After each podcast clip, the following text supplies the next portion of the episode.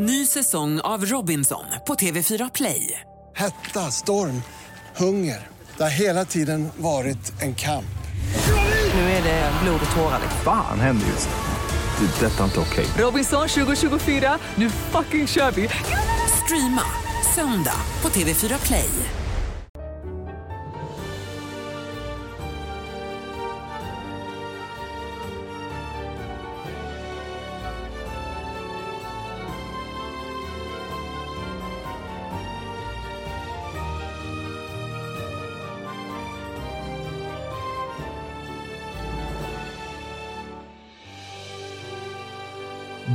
Hälsar vi hjärtligt välkomna till ett nytt avsnitt av Big Six. Jag antar att ni lyssnar på detta runt måndag förmiddag om vår eh, producent Harry Magder har gjort sitt. Men du och jag Fabian, vi spelar in redan söndag kväll här för att ha den senaste omgången färskt i minne. Och jag antar att du fortfarande sitter med ett leende på läpparna.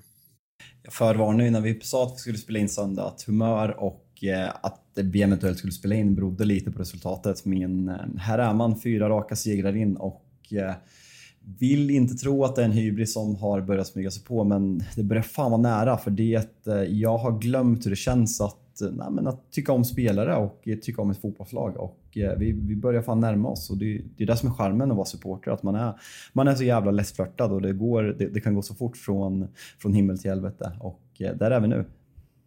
Ja, men det är som ni är inne på, det är sjukt vad, vad fotbollen ändå kan gå snabbt. Efter den här förlusten mot Brentford som ju faktiskt är bara några veckor bort, eh, 4-0 och två raka inledande torsk, eh, inga nyförvärv på plats. Eh, en Cristiano Ronaldo som eh, visserligen startade matchen men ser allt annat än, än glad ut. Och eh, nu står vi här då, som du är inne på, fyra raka segrar, 12 poäng och ett United som är väldigt välmående. Jag, eh, jag ville väl lite eh, ta ner dig på jorden här. Jag, jag, liksom, du var väldigt optimistisk inför den här matchen. Jag, jag var inte det åt Uniteds vägnar. Jag, jag trodde att eh, ett spelskickligt Arsenal, visserligen en del eh, frågetecken kring, kring eh, de skadade spelarna. Men jag känner inte att United har imponerat tillräckligt mycket för att eh, kunna vinna den här matchen. Men du ville ju få det till att det här skulle kunna bli en repris av Liverpool-matchen. Eh, ett eh, United som får ställa om och, och straffa motståndarna och eh, det är bara att ge dig en, en klapp på axeln här för det var ju precis så det blev. Ja, fan ibland, eh, ibland får man till det. Sen var det väl lite Eh, det är ju faktiskt lite kul ibland att så här, trycka till extra bara för, bara för att tycka lite just när det är Arsenal och det har börjat så jävla bra. Och jag, man, man har en liten historia med Arsenal-supportrar att de är lite extra roliga att provocera så man kan ha tryckt på lite extra vilket, vilket såklart är extra roligt när det, när det går vägen till slut. Ja, vi, jag tänker vi tar mer om matchen här alldeles strax, men eh, och vi, vi kommer ju prata om eh, fler matcher den här omgången. Det hände som vanligt väldigt mycket, men vi tänkte väl att vi börjar med en liten, och det är alltid tråkigt tycker jag. Jag gillar inte att eh, rikta allt för mycket fokus kring domarna, men det var ju en helg där det var allt för många situationer att vi inte kan blunda för Vargate eh, borta på öarna. Eh, och Eh, ja, vi, vi, ser ju hur det här, eller så här, man ska inte kritisera VAR, utan man ska verkligen kritisera de domarna som dels springer runt på planen, men framförallt sitter i de där rummen.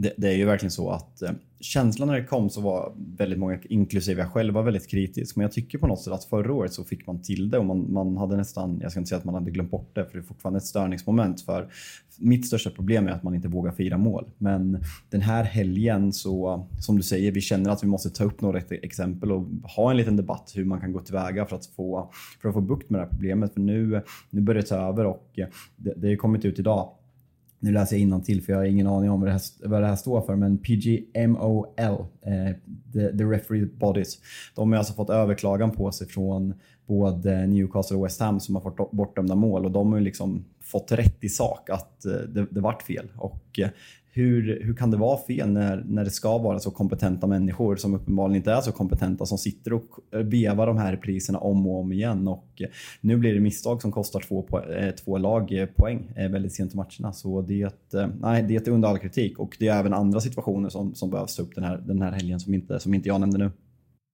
Nej, och det ju, hände ju ganska nyligen också att eh, Mike Dean efter matchen mellan eh, Chelsea och Spurs klev ut och bad om ursäkt. Han satt i varummet och eh, tittade på flera situationer där han gjorde fel flera gånger om. Och, och som du säger, hur, hur vi som sitter i soffan, det spelar nog ingen roll vilket lag man, man håller på utan man ser ju ganska tydligt, eller man ser ganska ofta. Och, och nu senast här av Newcastle att nej men det där målet ska ju såklart godkännas. Och, och eh, West Hams mål, alltså det är snarare kanske straff då. Eh, och, och nu blev det ju mål så det, det ska ju få vara 2-2 från Corné där. Men är det någon eh, någon som gör ett felaktigt eh, ingripande där så är det ju Mondi och en straff ska tilldömas. Men istället då så plockas målet bort. Och, och, det är ju som du är inne på, det blir väldigt kostsamt för båda de här lagen. Eh, för Newcastle som tappar två poäng och för West Ham som står för en riktigt bra insats på Stamford Bridge och ska ju faktiskt minst ha med sig en poäng i det här mötet. Så det, är, det är katastrofala insatser från, från domarteamen.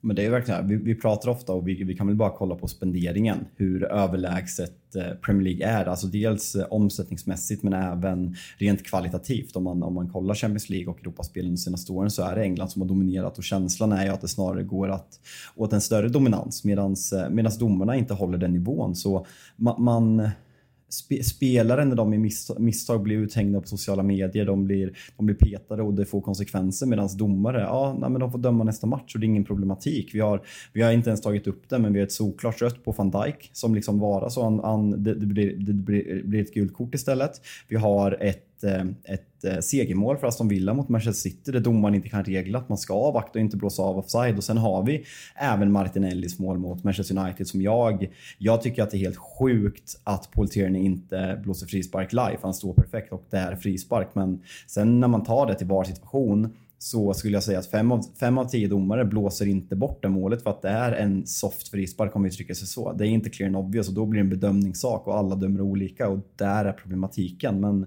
vad, vad känner du? Liksom? Alltså, vi, har stått här i ja, så länge man kan minnas och kritiserat den engelska do, domarkåren. Börjar det bli dags att liksom, för att hålla uppe nivån med spelarna och med, med, med, lagen och tränare, ska man börja titta på att rekrytera externt från andra länder eller vad, hur ska man gå tillväga för att få bukt med det här? Alltså jag, den diskussionen kommer ju ofta upp i allsvenskan, den ligan som jag eh, också följer eh, nära. Att man så fort det är dåliga domslut så, så ska det in domar från, från andra ligor och då blir oftast motargumentet där att vi, vi får ju de domarna eh, som vi förtjänar i allsvenskan. Det är väl Europas 23 bästa liga. Premier League är dock världens bästa liga. Det är väl svårt att få de domarna man förtjänar. Jag, jag vet inte om det är ja, det sägs väl att eh, tyska domare ska vara lite vassare och, och eh, ibland även italienska domare.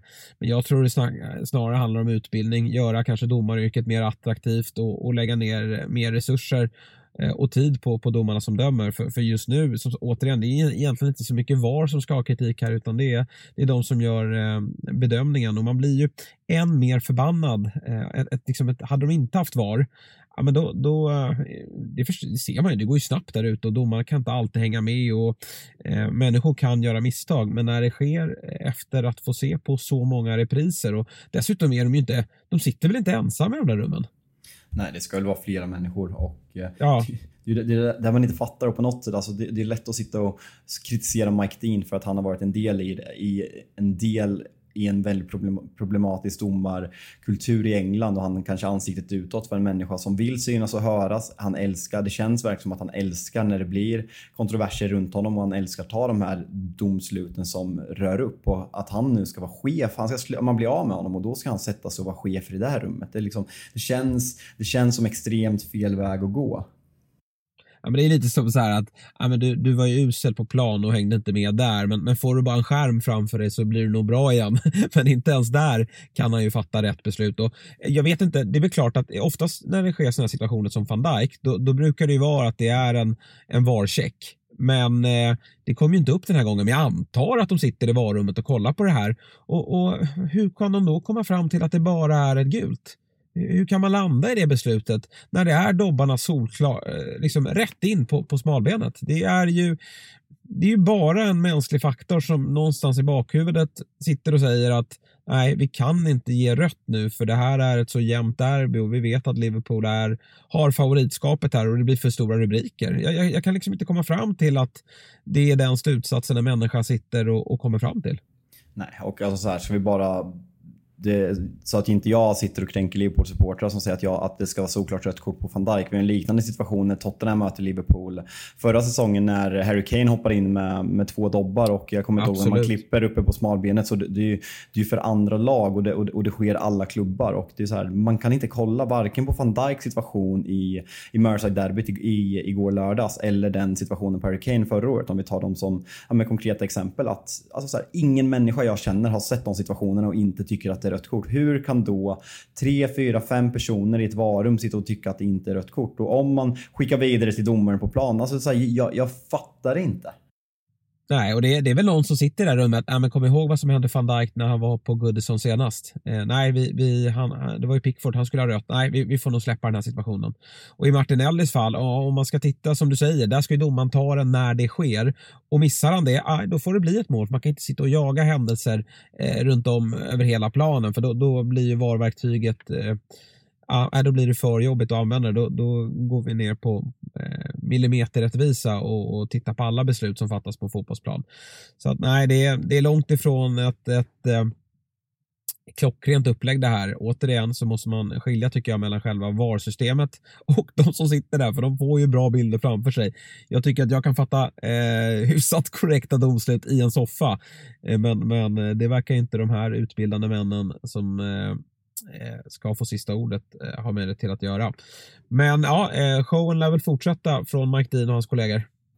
Ja, verkligen. Sen ska jag säga, alltså, alltså, ska de få cred för någonting, alltså, det, kan, det kan vara jävligt frustrerande och man fattar inte på hur de drar de här jävla linjerna. Men som det var för två år sedan när de satt och ritade live och så här, det var, ja, men, så här, de missade och sen var det armpits och sådana saker. Nu slänger de upp en bild som är färdigmålad och man får acceptera den. Det, alltså, jag föredrar det alla dagar i veckan, måste sägas. Absolut. Nu ska det väl dessutom till VM här. Det är väl, de är väl för, det, VM är väl först ut med det här automatiserade verktyget med kameror som sitter längs hela sidan och att det ja, men lite som Håka i, i tennisen, att det ska fattas beslut eh, väldigt, väldigt snabbt om det är offside eller inte. Ja men exakt, det är någon så här halvautomatiserad offside som ska testas och eh, sen hur, hur de... Tänk om den inte funkar. Vi har ju alltså praktexemplet när, när Villa gör mål som inte är offside men de vinkar, av, de vinkar av direkt vilket man inte ska göra. Tänk om den där halva automatiserade ger ett felaktigt eh, domslut och de vinkar av. Alltså det, det, men det ska bli kul att följa i alla fall. Ja, eh, det blir det onekligen. Men du, åter till matcherna och då får vi väl börja med den matchen som vi började att prata om. Jag ska säga att jag har inte sett allt av den här matchen. Jag befann mig på Friends Arena, plikten kallade eh, och därför så tänker jag att du ska få berätta om eh, Manchester United 3, Arsenal 1.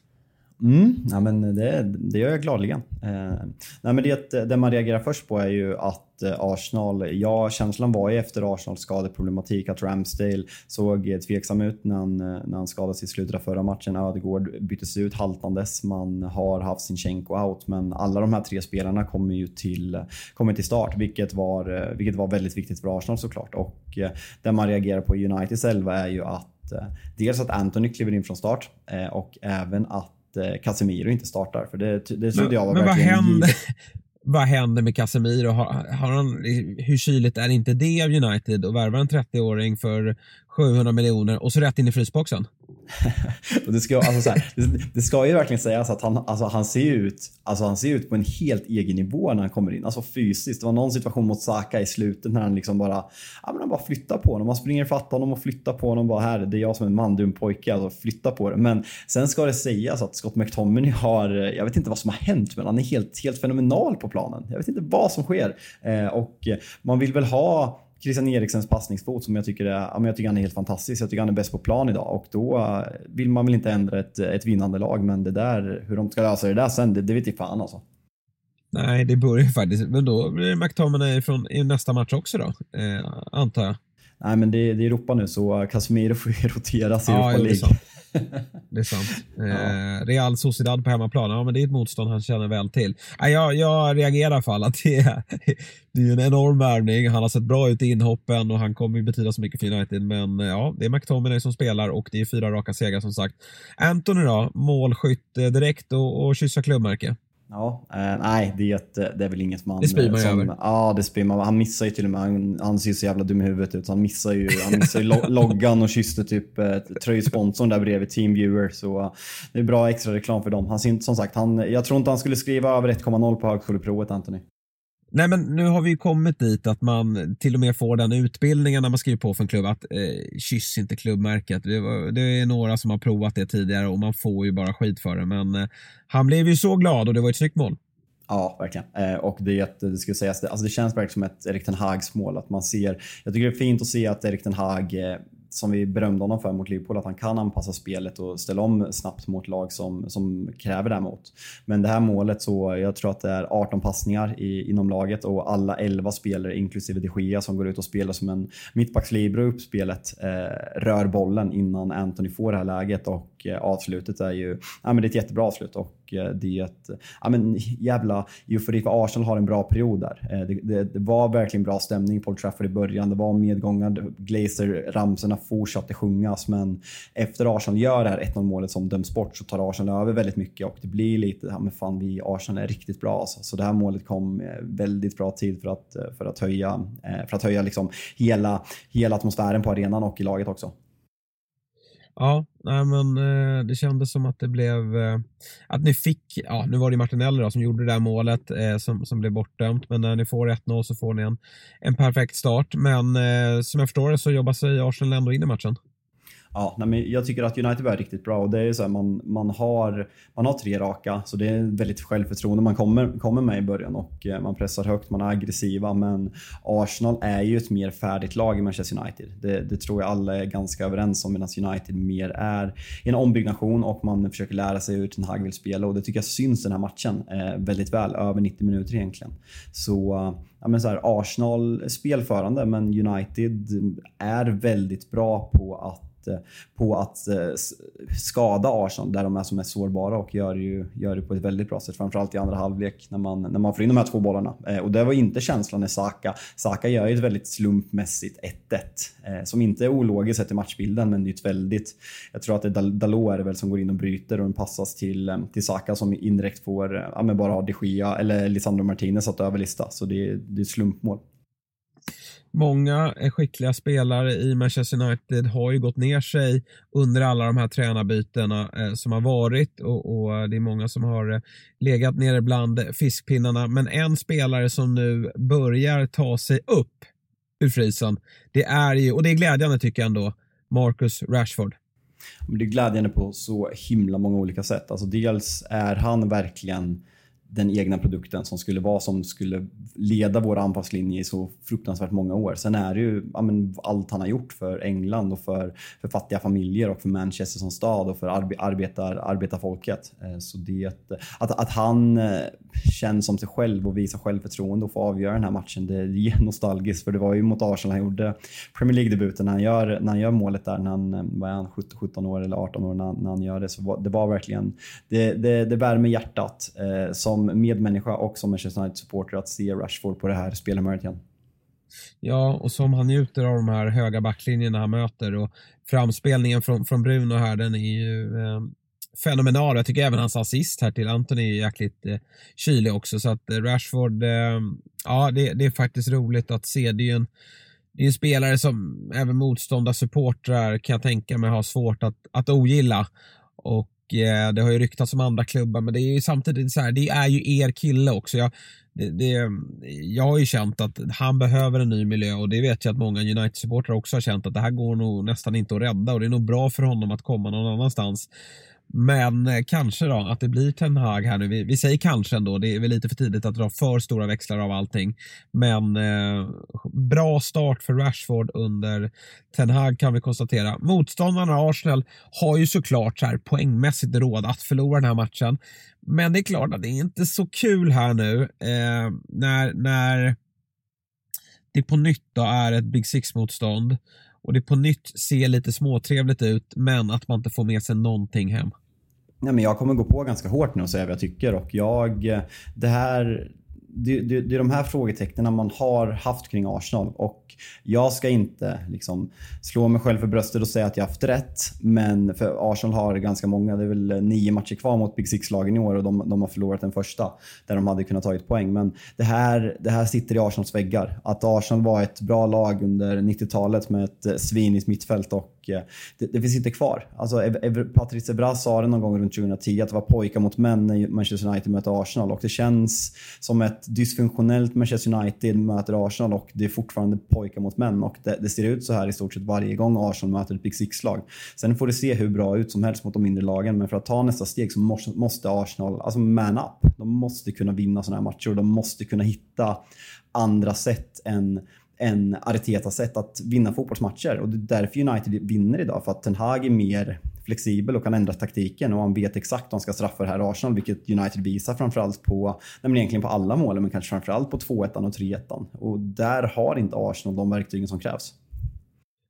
Nej, det, liksom känslan är att jag, även fast jag inte har sett matchen, ändå har sett matchen. Man vet ju hur Arsenal kan uppträda och att den där backlinjen, den är väl inte så pass samspelt och homogen ännu att man, man vågar stå så där högt upp eh, utan att man eh, kan bli straffade. Men eh, sen är till deras försvar då, några spelare som säkerligen inte har tränat för fullt här i veckan. Att Sinchenko och Ödegaard kom till spel var lite förvånande och, och sen är fortfarande då Partey utanför laget och han är ju eh, viktig för dem. Han är jätteviktig. Eh, sen det blir kul. Alltså så här, nu har ju Ben White gjort den där positionen till sin, men man tappar ju på något sätt lite offensiv. Eh, Sinchenko är väldigt, väldigt, väldigt bra i, i den där rollen och kommer in i det mer och mer. Eh, och jag tycker verkligen att man ser skillnaden på Arsenal när, när han spelar istället för Tierney. Men eh, mm, det, eh, det blev, om vi har hyllat dem unisont i de första tio avsnitten vi har släppt så, så tycker jag att man måste man måste höja, höja på ögonbrynen och eh, sen, alltså, jag tror fortfarande Arsenal kommer sluta topp fyra men Arsenal borde ha som mål att ta den här, man måste ta de här mentala kliven om man på någon, någonsin ska kunna utmana om de riktigt ädla medaljerna i Premier League och jag, jag ser inte det just nu. Nej, vi får se. Annars är det ju, podden heter Big Six och det är kul att det är så vidöppet. Eh, nu har det visserligen bara gått sex omgångar men eh, alla lag går på, på lite miner här och där och det är inget lag som är, är borta, även om man kanske vill skriva av några lag som spelmässigt ser rätt eh, bedrövliga ut. Eh, om vi tar oss till lördagen då, där det blev mycket fotboll för min del, så kan vi väl börja med den matchen som avslutade lördagen och det var ju Aston Villa, Manchester City där eh, City fortsätter att gå på lite minor här och där. Och jag tycker att det var en imponerande insats faktiskt från Gerards Aston Villa. Många trodde att det här skulle kunna bli eh, avslutningen för eh, Gerard i Villa. Han har ju fått en eh, mardrömsstart på säsongen och Eh, ja, med eh, våren först i minnet där eh, Villa var iskalla så kände man kanske att det här, en, liksom en, en 5-0-seger här från City, vilket ju på förhand absolut inte var omöjligt. Det hade nog varit eh, droppen som fick bägaren att rinna över. Men det jag såg där ute, det var i alla fall ett Aston Villa eh, där spelarna inte har tappat förtroendet för sin tränare. Det tycker jag var ganska tydligt. Ja, och det, det, det, är kanske framförallt, jag vet i Discovery-studion idag så pratar de om det att många allsvenska tränare har fått sparken och, och när man har tappat ett omklädningsrum så finns det ingen återväg och det här var väl, som du är inne på, det perfekta svaret för Aston Villa. Dels resultatet är såklart eh, ett jättesteg i rätt riktning, men framförallt att man ser på spelarna att de fortfarande spelar för Steve Gerrard. Och eh, frågan jag på något sätt ställer mig efter, efter att ha sett den här matchen är ju att eh, hur Alltså här, vi, vi, har hyllat City jättemycket och kanske kallat dem världens bästa lag. Att de har kryddat med den mest kompletta anfallaren i, i, i världen just nu. Men hur ska man börja ställa sig frågan att kanske Håland har suddat ut lite att City kanske inte är lika bra som tidigare. För det, det är han som gör allting. Utan Håland så, så känns det inte lika stabilt och man släpper in ganska mycket mål. Eh, det är inte mycket nollor eh, som, som man kanske hade räknat med. Vad, vad, hur ser du på den, den spaningen? Jag tycker väl att vi ser det först eh, när de möter lite bättre lag. Jag är väldigt eh, spänd på matchen nästa helg när de har eh, visserligen ett Spurs som inte heller har imponerat men det, det är ändå topplag. Det är inte så många lag som kanske har imponerat. Då. Eh, känns som att, jag vet inte om det kan vara att de har, alla lag har skött sin försäsong lite annorlunda med tanke på att det är ett VM och att spelarna kanske går och funderar mycket kring att det är ett VM snart också. Att det är orsaken till att många lag inte riktigt är, ja men de är inte i toppform och det är inte nu de ska vara i toppform. Samtidigt vet man ju också hur viktigt det är att, att få en bra start och, och inte tappa allt för mycket poäng. Men eh, ja, jag vill se nog City mot bättre lag innan jag gör en bedömning av dem. Men det skulle kunna vara så, absolut, att man, man inte riktigt är eh, Ja, men man har haft en del eh, tunga spelartapp, kanske inte helt ordinarie spelare men ändå nyttiga spelare att ha tillgång till för, för eh, eh pepp i, i den här typen av matcher. För det blir, just nu är det mycket serielunk och, och då är det kanske viktigt att ha en, en en bredare trupp som kommer in och är 100% motiverade när de får chansen. Men jag, jag, jag, tycker liksom att eh, ja, City, de har ju ändå lägen här i andra halvlek som för att kunna avgöra. Jag tycker att eh, Haaland är ju riktigt bra och även han och De Bruyne hittar ju varandra precis som man trodde väldigt bra. Eh, Haaland spelar ju fram eh, De Bruyne till eh, ett superläge där inne i boxen i mitten på andra halvlek men, men får ju inte hål på Villa och eh, sen kommer det här otroligt vackra 1-1 målet då från Bailey. Och det är klart att Villa har ju inte jättemycket lägen i den här matchen, men man ska inte ha så mycket lägen heller. Eh, men däremot så sitter man ihop, lagdelarna sitter ihop, man jobbar väldigt hårt för varandra. Jag såg något snack om att Douglas Luiz, som var väldigt, att han skulle vara väldigt besviken över att han inte fick gå till Arsenal, men han gör ju en riktigt bra insats här och, och uh, jublar ju väldigt uh, mycket efter 1-1 målet så att han, han ser dedikerad ut och, och honom behöver Aston Villa. Så att uh, det här var ett steg verkligen i rätt riktning för Villa.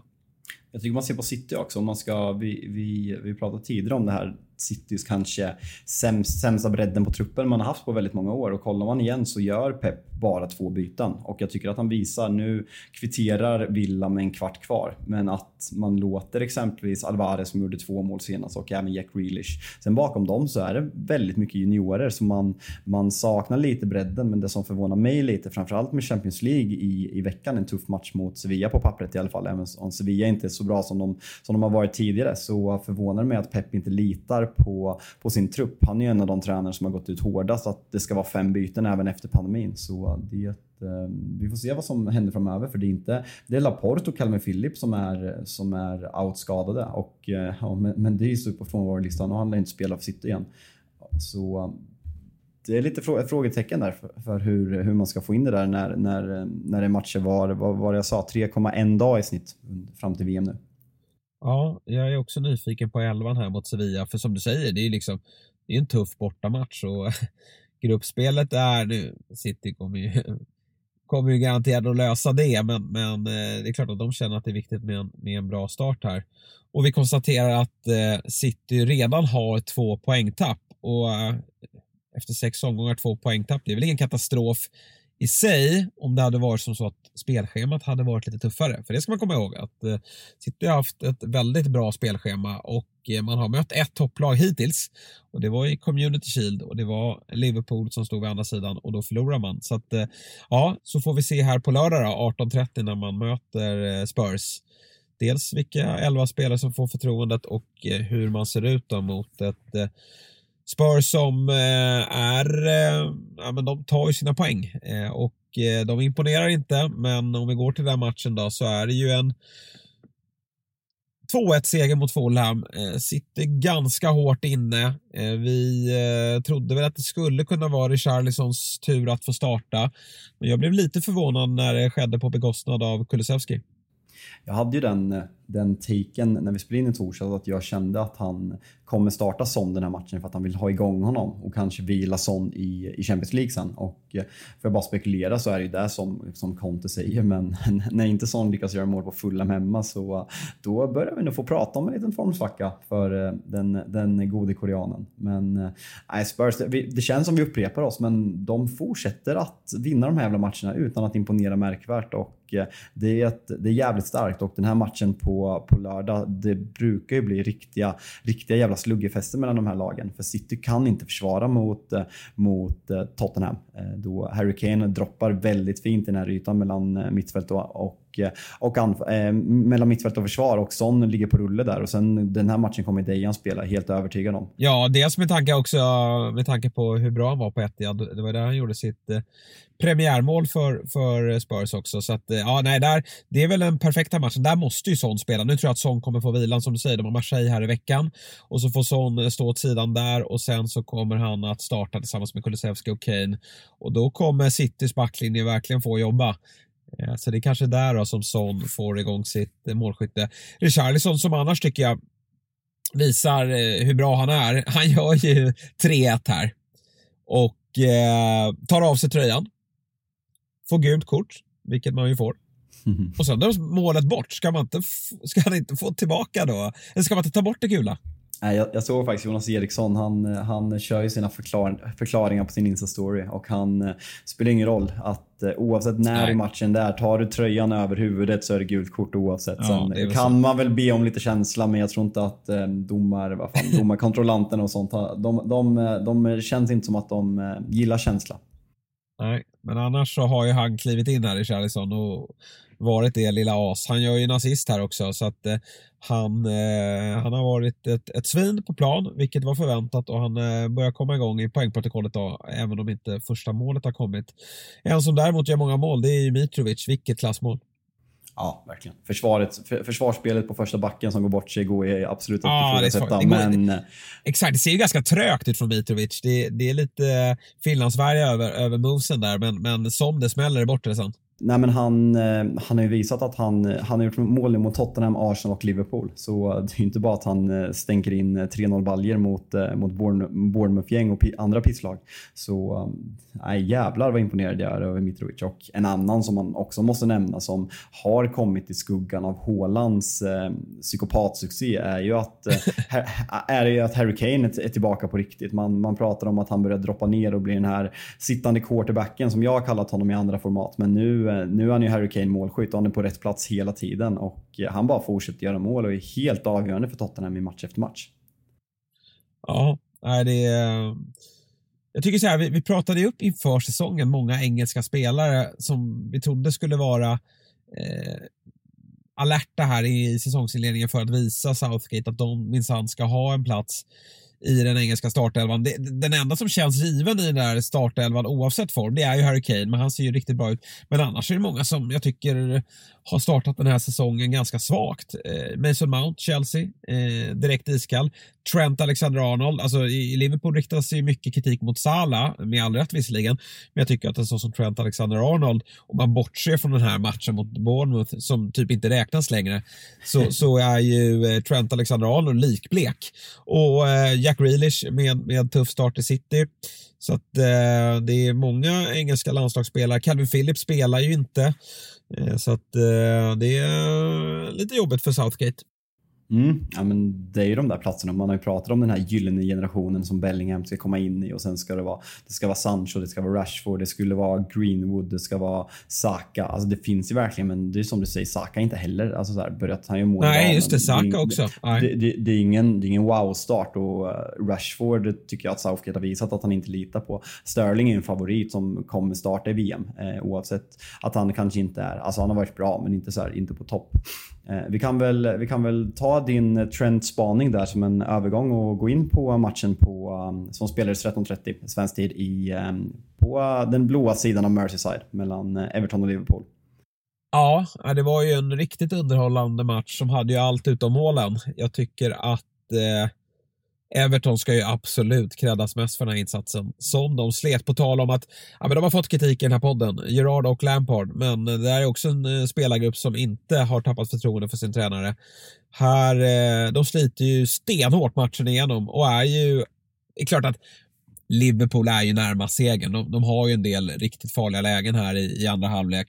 Men eh, Everton ska absolut inte skämmas för att få med sig en poäng här och eh, vara väldigt nöjda med sin insats.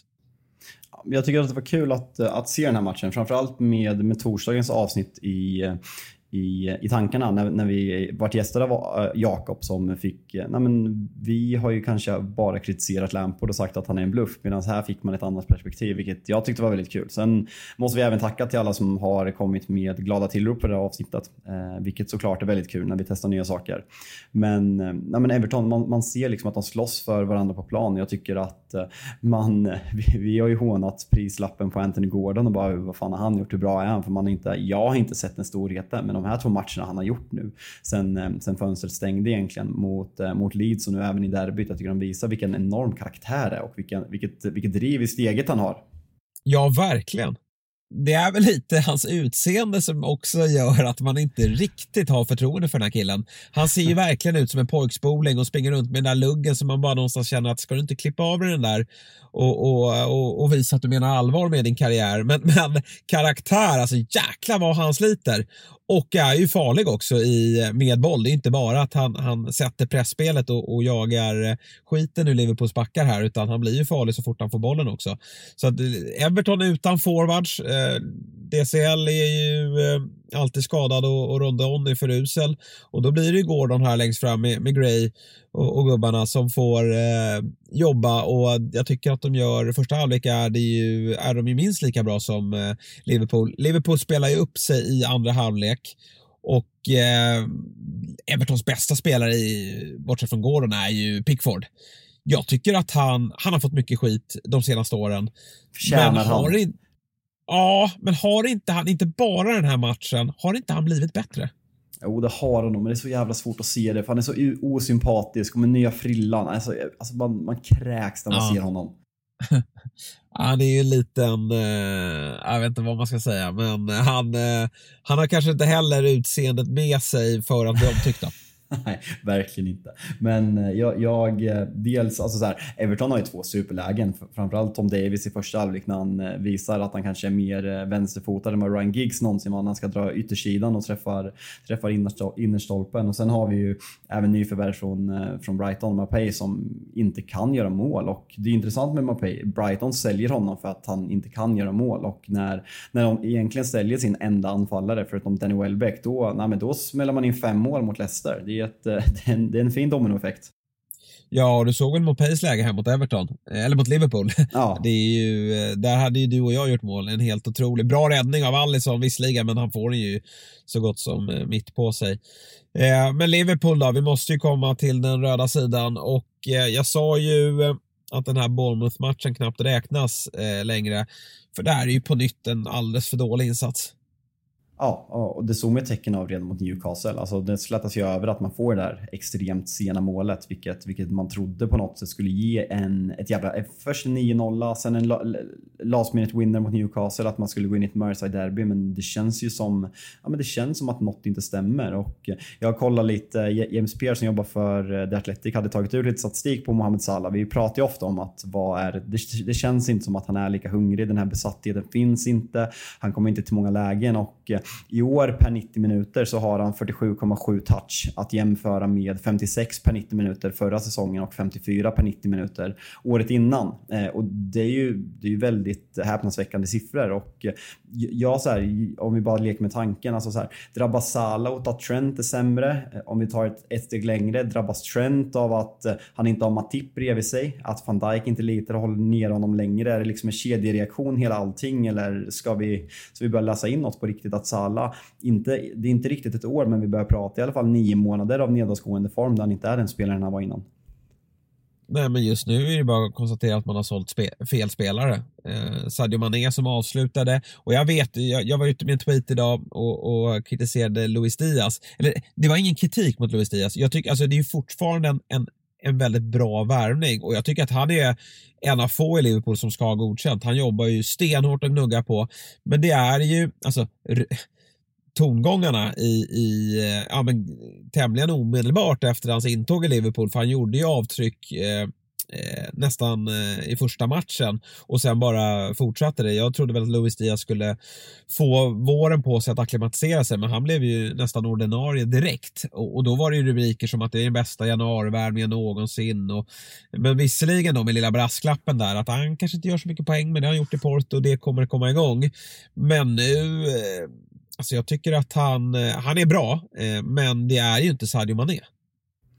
Och Sadio Mané på något sätt var så, var så bra. Man pratar ju ofta om att de inte passar varandra men Sadio Mané var så extremt direkt spelare. Han, han, fick han löpte i djupled och fick bollen. Han skulle inte dribbla så mycket, han spelade väldigt enkelt. I Luis Diaz har ju en väldigt, han gillar ju att liksom ta bollen och driva upp den och vara väldigt bollkär och gå på avslut själv. Vilket jag tror också drabbar Salah. Att Salah blir sämre och han känner sig mindre motiverad när han inte, inte får lika mycket boll att driva själv. Så det, det tror jag också kan ha en inverkan att de är, de är väldigt, jag ska inte säga att de är lika i spelsättet men båda gillar att ha bollen vid fötterna. Något som kanske Mané inte ville och som när man hade Diego Jota eller Bobby Firmino som var snarare falska nio. Ja, som den där rollen väldigt fint. Så Darwin har kommit in och erbjuder en helt ny sak. Så hela den här trion, man har hyllat dem för att de har bytt ut den smidigt men det, det klickar inte än. Nej, det gör det verkligen inte. Sen kanske det kommer igång. Nunez tillbaka här. Jag har ju, har ju en otrolig aktion i första där han hade kunnat göra ett riktigt drömmål. Bra räddning av Pickford. Men i övrigt är han ganska blek i den här matchen. Sen är det ju så här. Alltså, jag menar, gör han det målet, det är ju lite som Håland gör ett mål och sen blir han tokhyllad, sen gör han inte så mycket mer. Så det är ju, det är ju liksom, man räknar ju bara mål på, på Nunez. Nu gjorde han det inte och då blir det kanske inte, inte underkänt, men det blir inga jätterubriker. Diaz jobbar hårt, men eh, nej, alltså det är så här, Liverpool, vi har ju förväntansbilden av att de ska utmana om titeln och att de ska vara ett av världens bästa lag. Och då tycker jag inte den där trion just nu är tillräckligt bra. I, synne, I synnerhet inte Mohamed Salah. Och nu har han ju ändå kommit undan. Han har gjort två mål och han har löst någon straff och han har Ja men, eh, gjorde väl någon spökassist här senast på Newcastle, men gjorde också en ganska snygg assist till, till Firmino. Men hade det inte varit för poängen så skulle ju Klopp egentligen peta honom. Ja, och det, det är det här som du, du, du är inne och snuddar på i den där utläggningen. Att vi, det, det är klart att det, det, har gått sex matcher och det är, en, det är en ny konstellation som ska få in. Men vi, vi pratar om en klubb som ser sig själv som kanske världens näst bästa och då har man inte tid att ha den här akklimatiseringsperioden. Det måste levereras direkt för annars kan det kosta ligatitlar och därför måste vi, exempelvis om vi, om vi jämför med Manchester United som är en ombyggnation, om vi jämför med Chelsea som också håller på att bygga om hela, hela laget egentligen. Kraven på Liverpool måste vara högre och då måste vi även prata utifrån att, att kraven är högre, framförallt på Mohamed Salah som ska vara, som ska vara spelaren som ska, som ska um, vara bäst. Ja, men så här, det är, det är sidled Salah. Alltså han får bollen eh, och, och, så släpper han en sidled och så trippar han lite. Han ser inte, han ser inte så hungrig ut som du säger. Alltså, så här, förut var han ju en desperat Salah på eh, jakt efter mål och han gestikulerar lite lätt på att han, att han vill ha mer boll men får inte bollen och så ser han inte så bekymrad ut över det. Så det, ah, jag vet inte riktigt vad, vad som har hänt där. Jag vill ju tro att det är nu har vi väl kommit till, nu är jag inte trött längre för det var han väl i, i, i våras. Nu mm. har han ju fått en sommar att vila upp sig och bygga upp sig. Utan nu är det ju brist på självförtroende och eh, kanske då att eh, det här VM-uppehållet som ju ja, nu är det ju ganska många matcher bort. Men det kanske kommer göra honom gott sen då när alla kommer tillbaka slitna och trötta och Salah har fått eh, vila upp sig och eh, jobba på eh, rörelsemönster och avslut så kanske han eh, kommer vara glödhet här då, runt eh, mellandagarna. Men just nu är, det ju en, eh, är han en skugga av sitt forna jag. Ja, och man, man bör vara, vara orolig för man kan inte tappa poäng och Liverpool, vi pratar om att, eh, att både Manchester City och Eh, Tottenham, eh, Tottenham har haft en, en tuff match i Chelsea borta, men kanske framförallt Arsenal och City har haft lätta schema. Liverpool har, ett, har ju haft ett jätteenkelt schema. Det är matchen Paul Trafford som, som sticker ut och sen ja, derby alltid derby, men annars, eh, annars har man ju underpresterat extremt poängmässigt kontra vad man hade räknat med innan matchen då man har tappat poäng mot uh, Fulham, Crystal Palace United. United absolut på bortaplan, men Crystal Palace och Fulham eh, ska ju vara sex poäng, eh, sex poäng på den matchen och där har man bara tagit två, så det, det är enorma missräkningar och det, det har ju med förväntningarna på Liverpool att göra. Ja, för vi sa att City har haft ett lätt schema. Det har ju faktiskt Liverpool också. Eh, så att eh, nu vänder ju schemat här snart. Nu är det Wolves nästa helg och sen så ska man väl möta Chelsea och, och eh, Manchester City eh, ganska tätt på varandra och då duger inte det här spelet. Sen tycker jag att vi, vi, vi gnäller på Trent på andra kanten. Nu startar inte han och det är ju Alltså, Robertson spelade allt förut. Eh, vi undrade varför inte greken Simikas fick fler chanser. Men nu har Robertson bytts ut tidigt i matcherna för att det inte riktigt har funkat och i den här matchen så får Simikas starten. Jag eh, tycker inte heller att Robertson riktigt går att känna igen. När Liverpool är som bäst, då är det ju oftast för att man ja, men man får sånt övertag på kanterna. Det är dels då har det varit Mané eller Diaz eh, tillsammans då med eh, ytterligare då, med, med, tillsammans med Robertson och Salah och Trent som har gett ett sånt fruktansvärt övertag på kanterna. Det övertaget existerar ju inte just nu. Nej, och eh, det som, det som förvånar en, både den här matchen och mot Newcastle, att liksom i 59 minuten tar han ut Trent och sätter in James Milner. Ja. Så här, vad, äh, James Milner äh, kommer in och sparkar luften. Alltså han, han, är, han ska inte komma in. Nej, alltså han ska komma in och stänga match på ett mittfält. Han ska inte komma in... Nu, mm. nu, nu löser det sig mot Newcastle när man gjorde samma byte, men hur dålig en Trent är så kommer han alltid vara ett bättre offensivt hot än James Milner. Och det finns ju bättre, det finns ju bättre tillfällen att vila Trent än när det står 0-0 i ett Merseyside-derby med en halvtimme kvar. Så jag... Det känns som att det är något konstigt. Det är något som inte är som det ska. Eh, sen, det, det, är så jävla lätt att slå på stora trumman och så här överdriva saker, men det, det är något som inte känns som det stämmer i Liverpool. Nej, eh, positivt i alla fall är ju att Matip är tillbaka, hoppar in i den här matchen. Han kommer starta ganska snart. Jag är inte jätteimponerad av Joe Gomez om jag ska vara ärlig. Eh, Jota, eh, honom kommer de få mycket användning av. Jag tycker att alltså, Firmino är väl den bästa där framme just nu. Eh, han, han ska ju starta Firmino och, och eh, vi vet ju hur bra Jota även har varit i, i Liverpool så att eh, han kommer också få en hel del speltid och, och, kanske då att man får börja konkurrensutsätta utsätta Salah och, och ge honom någon vila här någonstans. Nu är väl han liksom, den som trivs absolut bäst till höger. De andra vill ju snarare vara till vänster eller centralt men det får de väl lösa på något sätt. Och sen förhoppningsvis då att eh, Thiago är tillbaka efter landslagsuppehållet. Ja, det är jätteviktigt. Eh, vi, ja. vi, vi pratade uppvärmningen av eh, Artur senast och Eh, han kommer, känslan är att han kommer få speltid kanske i Champions League nu för det är verkligen på mittfältet där man, man, man tappar väldigt mycket. För nu startar man med Harvey Elliott som har gjort det bra och Carvalho men de, de har varken fysiken, löpstarkheten tillsammans som, som, som en duo eller passningsfötterna för att ersätta, för att ersätta Thiago. Så där, där är man ju såklart jättedrabbade också. Ja, eh, Liverpool med Napoli här nu i veckan. Den mm. är inte helt lätt. Napoli som eh, har ju börjat Serie A starkt. Har väl sålt av halva laget men eh, tagit in eh, massa doldisar här och eh, ja, det där är ingen lätt match. Nej, man, man börjar ofta med en, med en lätt match i Champions League så att man känner att man kan, man kan rotera lite och gå vidare ganska enkelt. Men att börja med, med Napoli på, um, på uh, bortaplan. Det är den absolut tuffaste matchen i deras grupp. Och den heter, jag tänkte säga Sao Paulo, men den heter ju Diego Armando Maradona eh, Stadium. Eh, det, eh, med allt vad det innebär att åka till Neapel med, eh, med den publiken som är där. Det, det är tufft. Ja, verkligen. Och på temat topplag som inte imponerar då, eh, så går vi till Chelsea. Som ju eh, rånar West Ham på tre poäng här. Jag tycker Chelsea är skitdåliga. Ja, och här om vi, om vi raljerar över att något inte stämmer i Liverpool så här har vi verkligen något som, som inte stämmer i, i Chelsea och jag tycker att det smittar av sig vad som, vad som, känns, eh, vad som känns utåt sett ser man även på planen och det, det ser inte alls bra ut. Jag, jag, jag, tycker man, man märker utåt sett att det är något som inte stämmer. Jag tycker att det syns väldigt mycket på planen. Att man, man har samma känsla där och eh, nu börjar man ha de spelarna man har tillgängliga i truppen och man kan inte bara säga att det, det handlar om att Kanté inte spelar för så enkelt kan det inte vara. Eh, så, nej, nej men Kanté har ju, han har ju saknats förut. Alltså det är inte så att han har varit skadefri tidigare säsonger. Honom har man klarat sig utan eh, tidigare. Ja, exakt. Och han är ju väldigt, det är ju precis som Thiago, man, man, kan inte, man kan inte förlita ett, hela spe, ett helt spel, ett helt spelsätt och skylla på en skada när en extremt skadebenägen spelare som har passerat 30 och eh, så här, vill på, på ett sätt, det är klart ett starkt av Chelsea. Ett Chelsea som är ifrågasatt att, att man vänder 1-0 mot West Ham när man, gör mål i, eh, när man avgör i 88 när, den, när till och med den usla Kai Havertz lyckas, lyckas göra mål. Men samtidigt, det man tar med sig den här matchen är att West Ham ska kvittera på, på övertid och då har vi en helt annan diskussion och då ser det illa ut på riktigt. Nu poängmässigt, man, man är med helt okej, okay, men eh, det, det är inte en bra känsla i klubben.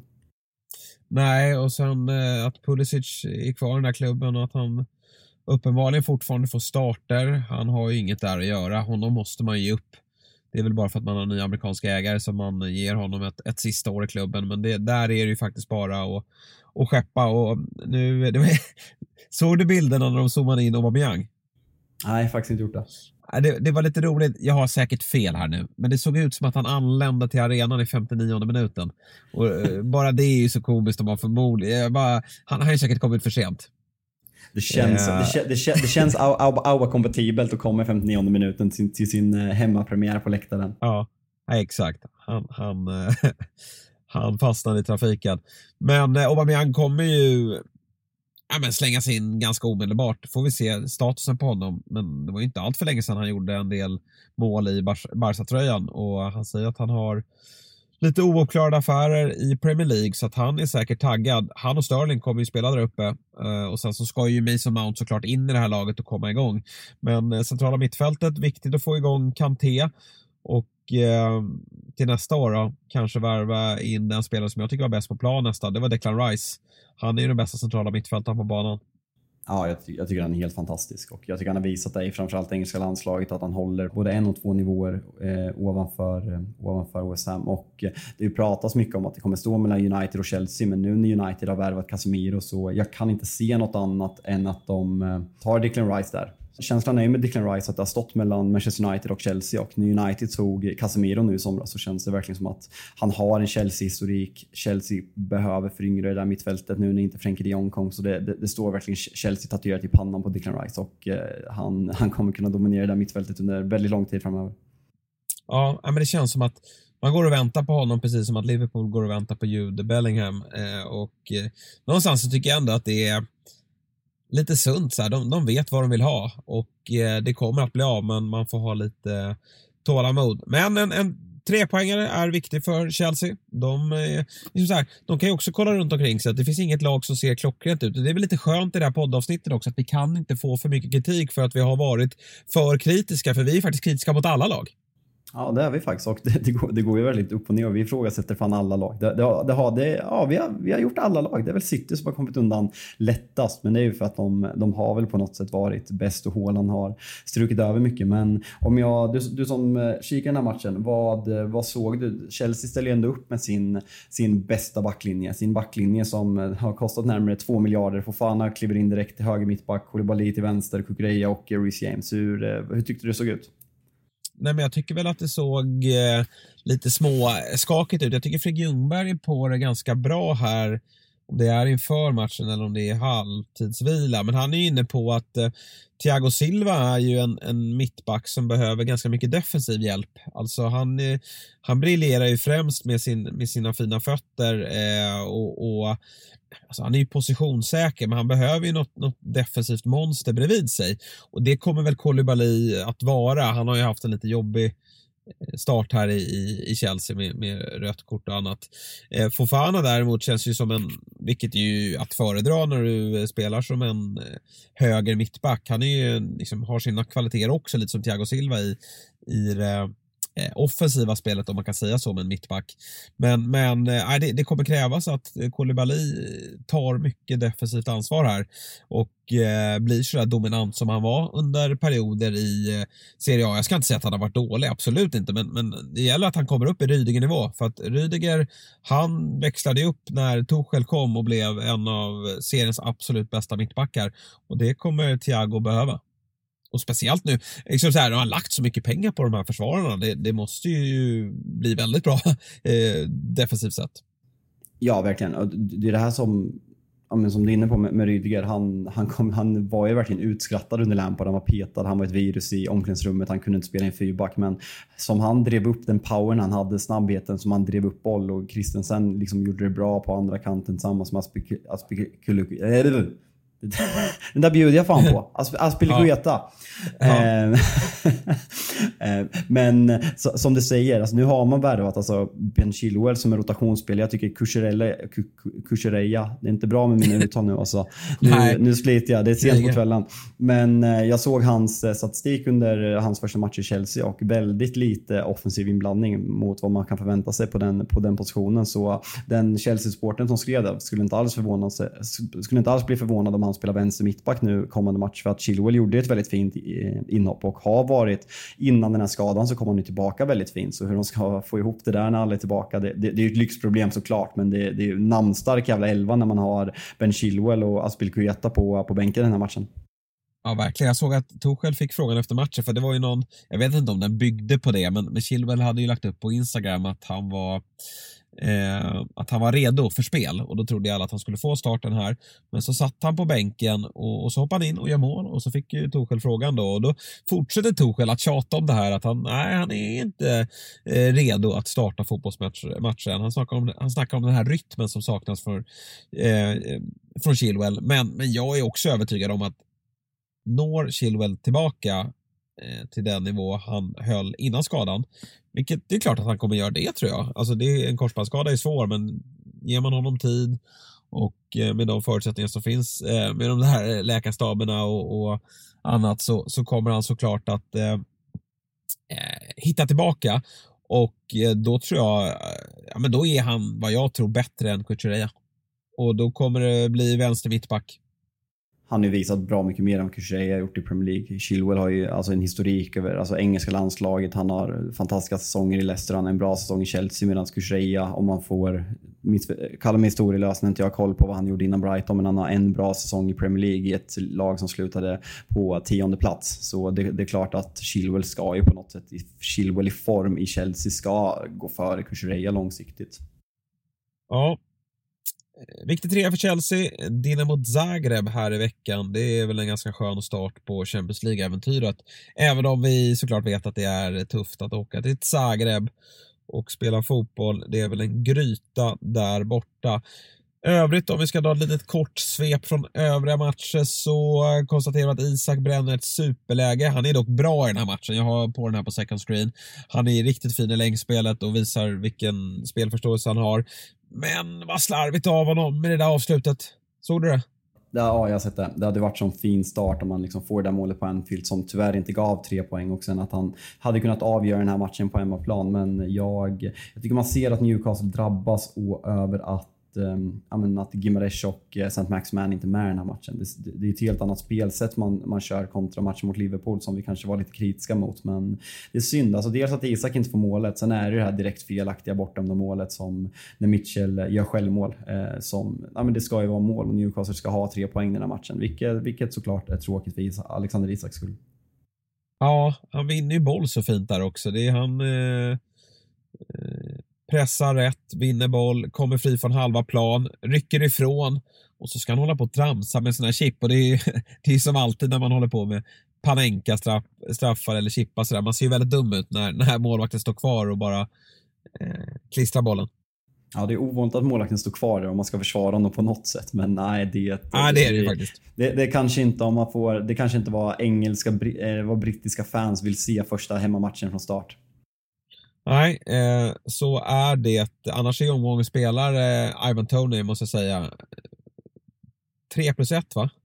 Ja, jag tror, han, jag tror han gör en assist också. Gal, galet, ja. frisparksmål, galet frisparksmål. Och det, det är ja. kul att se de här. Vi pratar om Mitrovic, här, spelare som, som är bra i Championship. Mitrovic hade man ju koll på, men Tony innan förra säsongen hade man ganska dålig koll på. Det, det är kul att man pratar om det här svåra och tuffa andra året, men han, eh, han ruggigt stark. Alltså både i länkspelet, i det fysiska spelet. Han är, han är en striker, han har bra tillslag. Han är komplett spelare och eh, Brentford, man har ju pratat om dem att de skulle kunna åka ut efter tappet av eh, Christian Eriksen, men det tycker jag att man nästan kan räkna bort nu, för Brentford ser riktigt bra ut.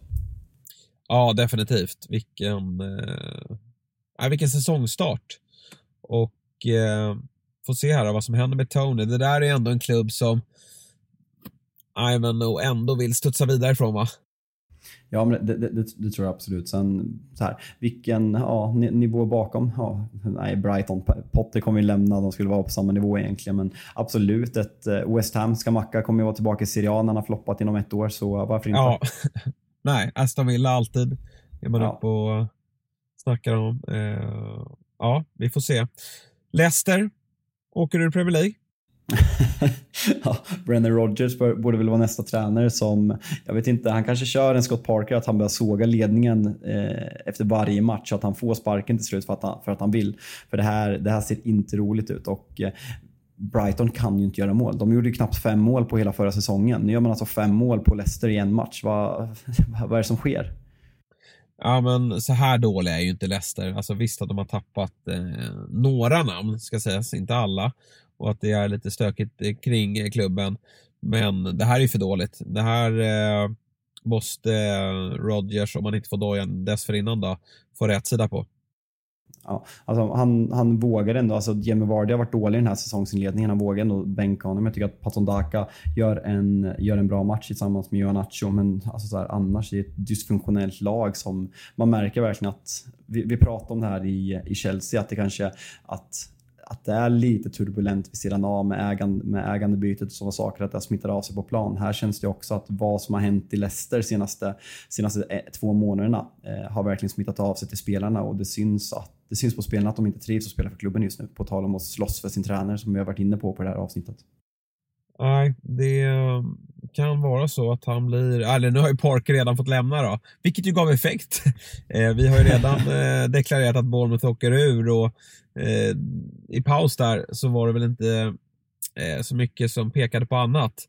Men vilken jäkla upphämtning. Eh, och eh, Nottingham, de får ju börja lära känna varandra. Det, det är ju 20 nya gubbar och de har ju inte synkat med varandra i försvarsspelet i alla fall.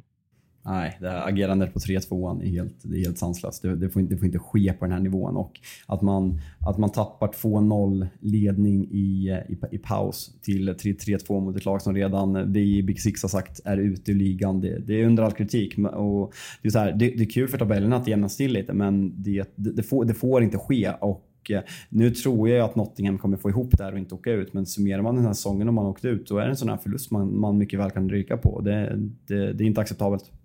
Nej, alltså tittar man på expected goals så är ju Nottingham det laget som släpper till mest målchanser bakom. Nu har de ju mött City visserligen, men, men eh, defensiven är eh, riktigt, riktigt svag här. Eh, och då har man ju ändå en ruskig målvakt i, i, Dean Henderson, men till slut kan inte ens han stå emot.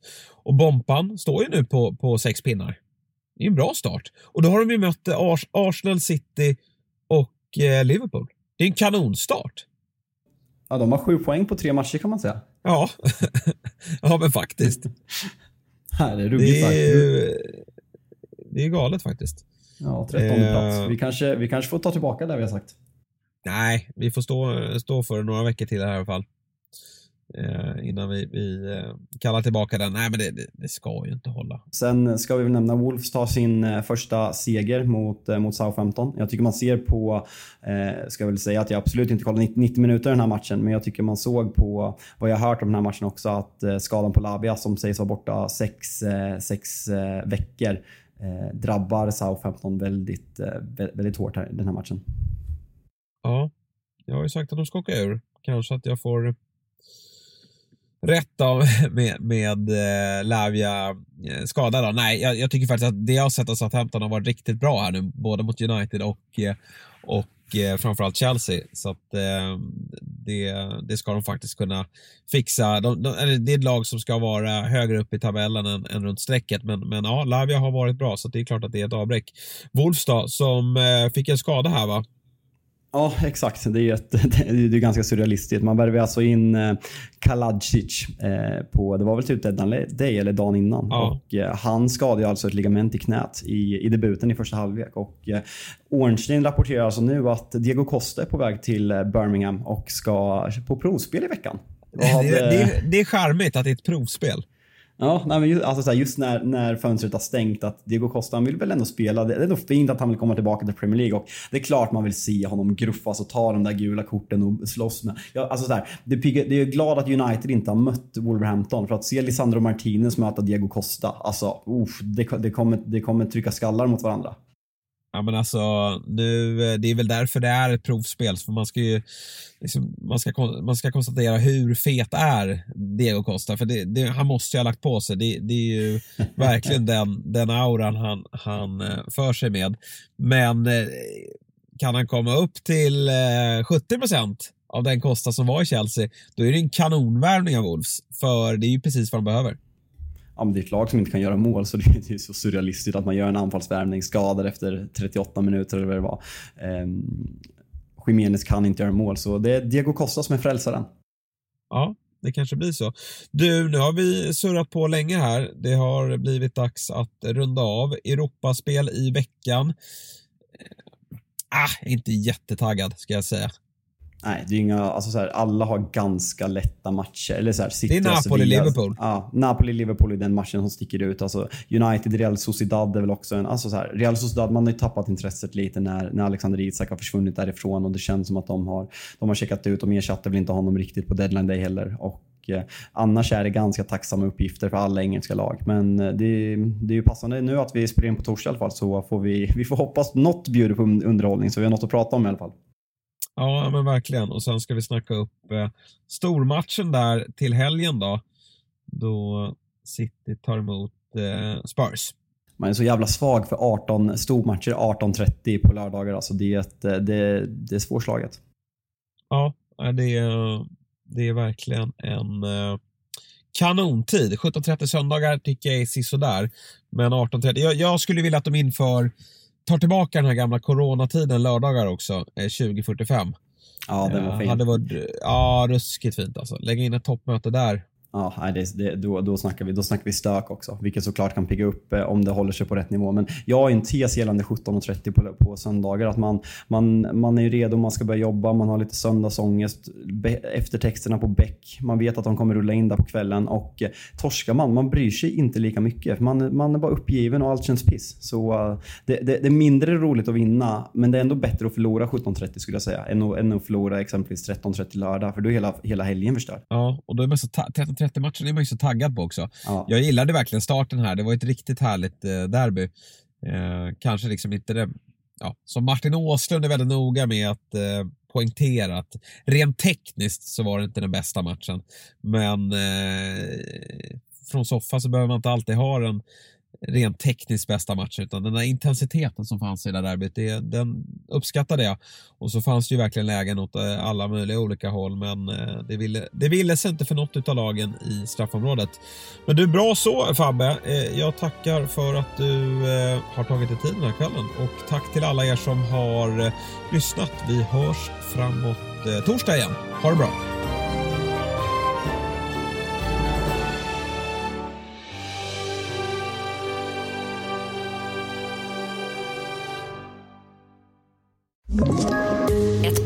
Poddtips från Podplay.